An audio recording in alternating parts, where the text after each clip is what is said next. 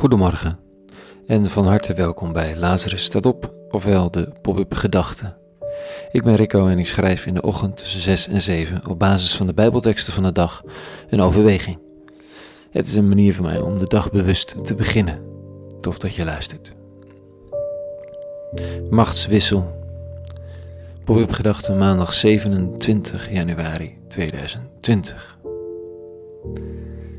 Zondagavond is het, gisteravond. We zitten aan tafel bij vrienden. Ze zijn onze leeftijd, twee kinderen die matchen met onze kinderen en het is gezellig. Een Syrisch feestmaal, want daar komen zij vandaan. Hij ging alvast vooruit, nu jaren geleden. Tijdens zijn verblijf in de noodopvang kwam hij bij ons terecht. Ook weer via eten. Stichting Present had een meet and eat georganiseerd bij mensen thuis. Daarna woonde hij bij ons in huis, een maand of zes. Gezellig, zinnig, intens soms ook.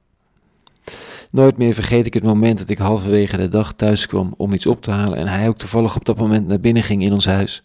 Ik trok de brievenbus open en daar lag een brief voor hem, of ik het voor wilde lezen. Natuurlijk. In ingewikkelde ambtenarentaal stond daar dat zijn gezinshereniging akkoord was. En dat zijn vrouw en kinderen, die hij op dat moment al een jaar niet gezien had, een jaar je kids niet aanraken, je vrouw, de offers die mensen brengen voor hun toekomst, voor hen, vooral voor hun kinderen. Dat zij naar Nederland zouden komen. Het was nog een heel proces om dat voor elkaar te krijgen, maar de vreugde van dat moment in het halletje van het trappenhuis in een straatje in Amsterdam vergeet ik nooit weer. Net als de ontmoeting op Schiphol, waar we bij mochten zijn, dat weer zien. Zo groots. Nu zitten we bij hen aan tafel in hun eigen huis en het is goed. Natuurlijk praten we over Syrië. Er wordt niet overal gevochten, zegt hij. Maar het is er erger dan ooit. Je kunt niks meer kopen, er is geen werk, er is maar soms elektriciteit, alles is kapot, alles gaat kapot. De duivel regeert en heeft een compagnon gevonden in Bashar el-Assad. Diens vader regeerde het land al 30 jaar. Hij regeert het nu 20 jaar en alles gaat naar hem en zijn familie. Alle inkomsten, alle macht en het volk gaat eraan kapot. 75% van de Syriërs vindt alleen Assad het grootste probleem van het land, als hij toch weg zou zijn.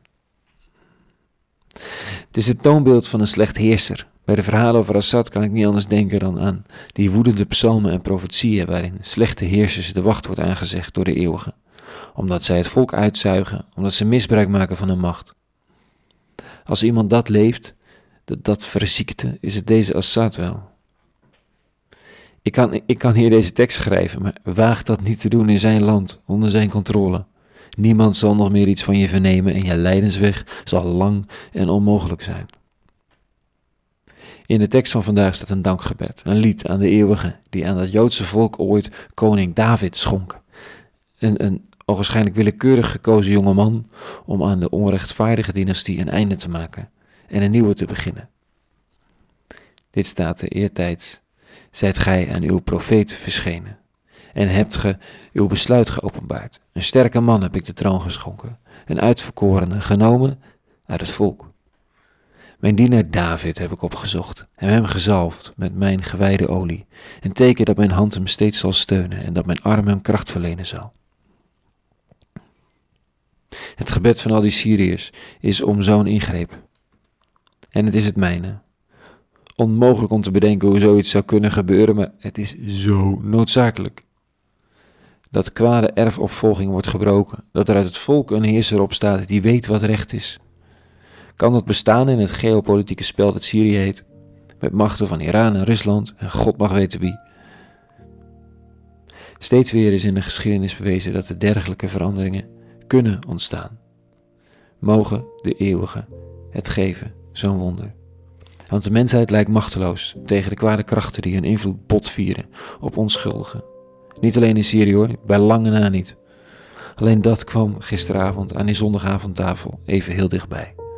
Bid als je bidt, hoop als je hoopt, opdat we niet vergeten. Tot zover de pop-up gedachten van vanochtend. Meer te vinden op lazarustotop.nl. En voor nu, vrede en alle goeds.